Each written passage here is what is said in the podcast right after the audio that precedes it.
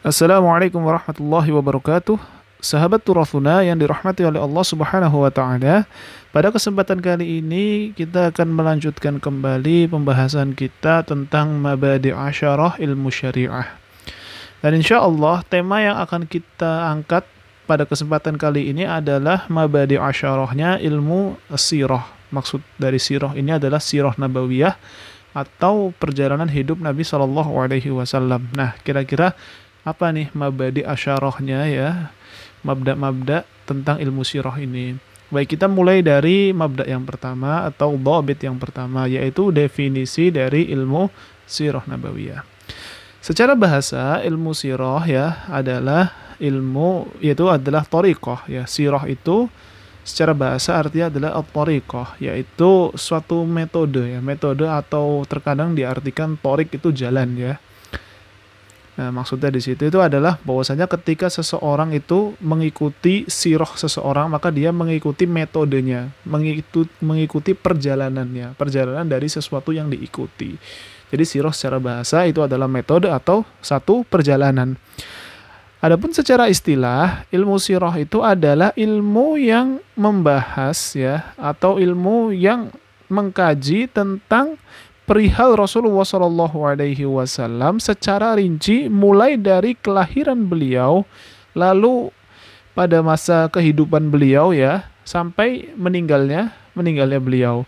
Jadi menceritakan ya ilmu yang membahas tentang cerita kisah perjalanan hidup Nabi Shallallahu Alaihi Wasallam mulai dari kelahiran beliau sampai kepada meninggalnya beliau. Walaupun memang di dalam ilmu siroh ini ya, terkadang dalam kitab-kitab siroh tidak hanya terbatas kepada pembahasan ketika beliau lahir sampai beliau sampai beliau wafat saja.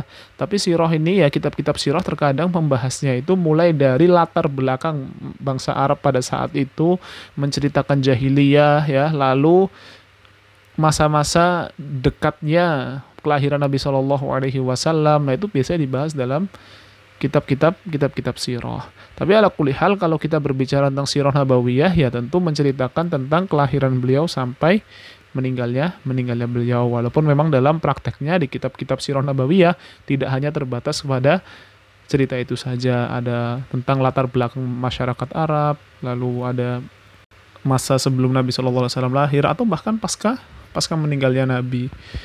Baik itu adalah bobit atau mabda yang pertama. Adapun mabda yang kedua yaitu temanya adalah kehidupan Nabi Shallallahu Alaihi Wasallam dan kedudukannya, kedudukan beliau itu bersama para sahabatnya beserta para musuh-musuhnya.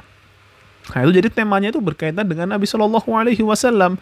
Nah yang berkaitan dengan Nabi itu apa saja? Ya mulai dari kedudukannya beliau, ya sifat-sifat beliau, lalu cerita-cerita beliau bersama para sahabatnya beserta para musuh-musuhnya. Jadi tidak hanya terbatas kepada apa yang dilaksanakan Nabi Shallallahu Alaihi Wasallam saja gitu. Artinya menceritakan tentang uh, fisik ya, fisik Nabi Shallallahu Alaihi Wasallam tidak seperti itu saja, tapi bagaimana pandangan beliau ya tentang sahabatnya atau pandangan sahabat terhadap terhadap beliau. Jadi kedudukan beliau ya, kedudukan beliau di mata para sahabatnya dan kedudukan beliau di mata para para musuh-musuhnya. Jadi semua yang berkaitan dengan Nabi Shallallahu Alaihi Wasallam itu dibahas di dalam ilmu ilmu sirah. Itu adalah maudhu atau tema dari ilmu sirah nabawiyah. Adapun yang ketiga, mabda yang ketiga yaitu adalah thamarah, hasil yang diperoleh dari mempelajari ilmu sirah.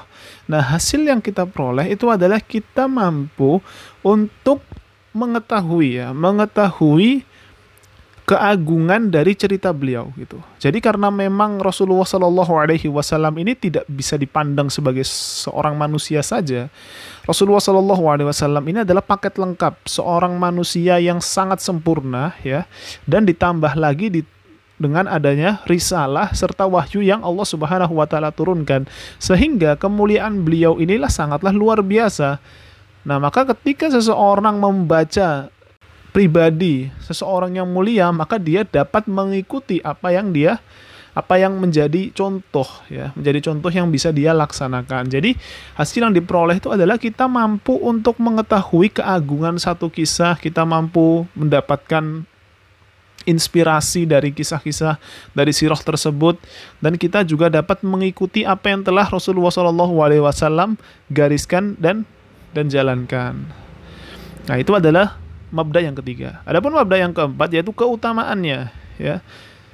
Kalau seandainya lihat dari keutamaannya tentu ini adalah keutamaan yang sangat mulia ya. Jadi kedudukannya kedudukan ilmu sirah nabawiyah ini adalah kedudukan yang sangat sangat mulia karena memang ilmu ini kan membahas tentang perihal seorang yang maksum ya yang betul-betul terjaga dari dosa dan sangatlah mulia maka dari itu mempelajarinya dalam memiliki keutamaan yang sangat luar biasa tentunya dapat mengikutinya dapat inspirasi terhadap apa yang telah diajarkan Rasulullah Shallallahu Alaihi Wasallam nah itu adalah keutamaan atau posisi ya ilmu sirah nabawiyah di dalam ilmu ilmu syariat.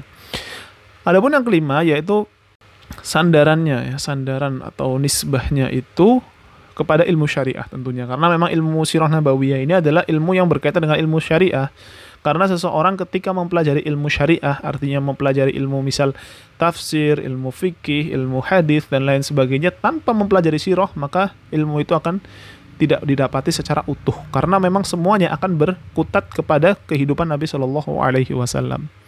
Baik, itu adalah yang kelima. Sekarang yang keenam yaitu istimdad. Dari mana ilmu ini diambil? Nah, ilmu ini itu diambil ya atau rujukannya itu adalah dari Al-Qur'an dan As-Sunnah serta riwayat-riwayat para sahabat. Artinya kisah-kisah yang diceritakan oleh para sahabat.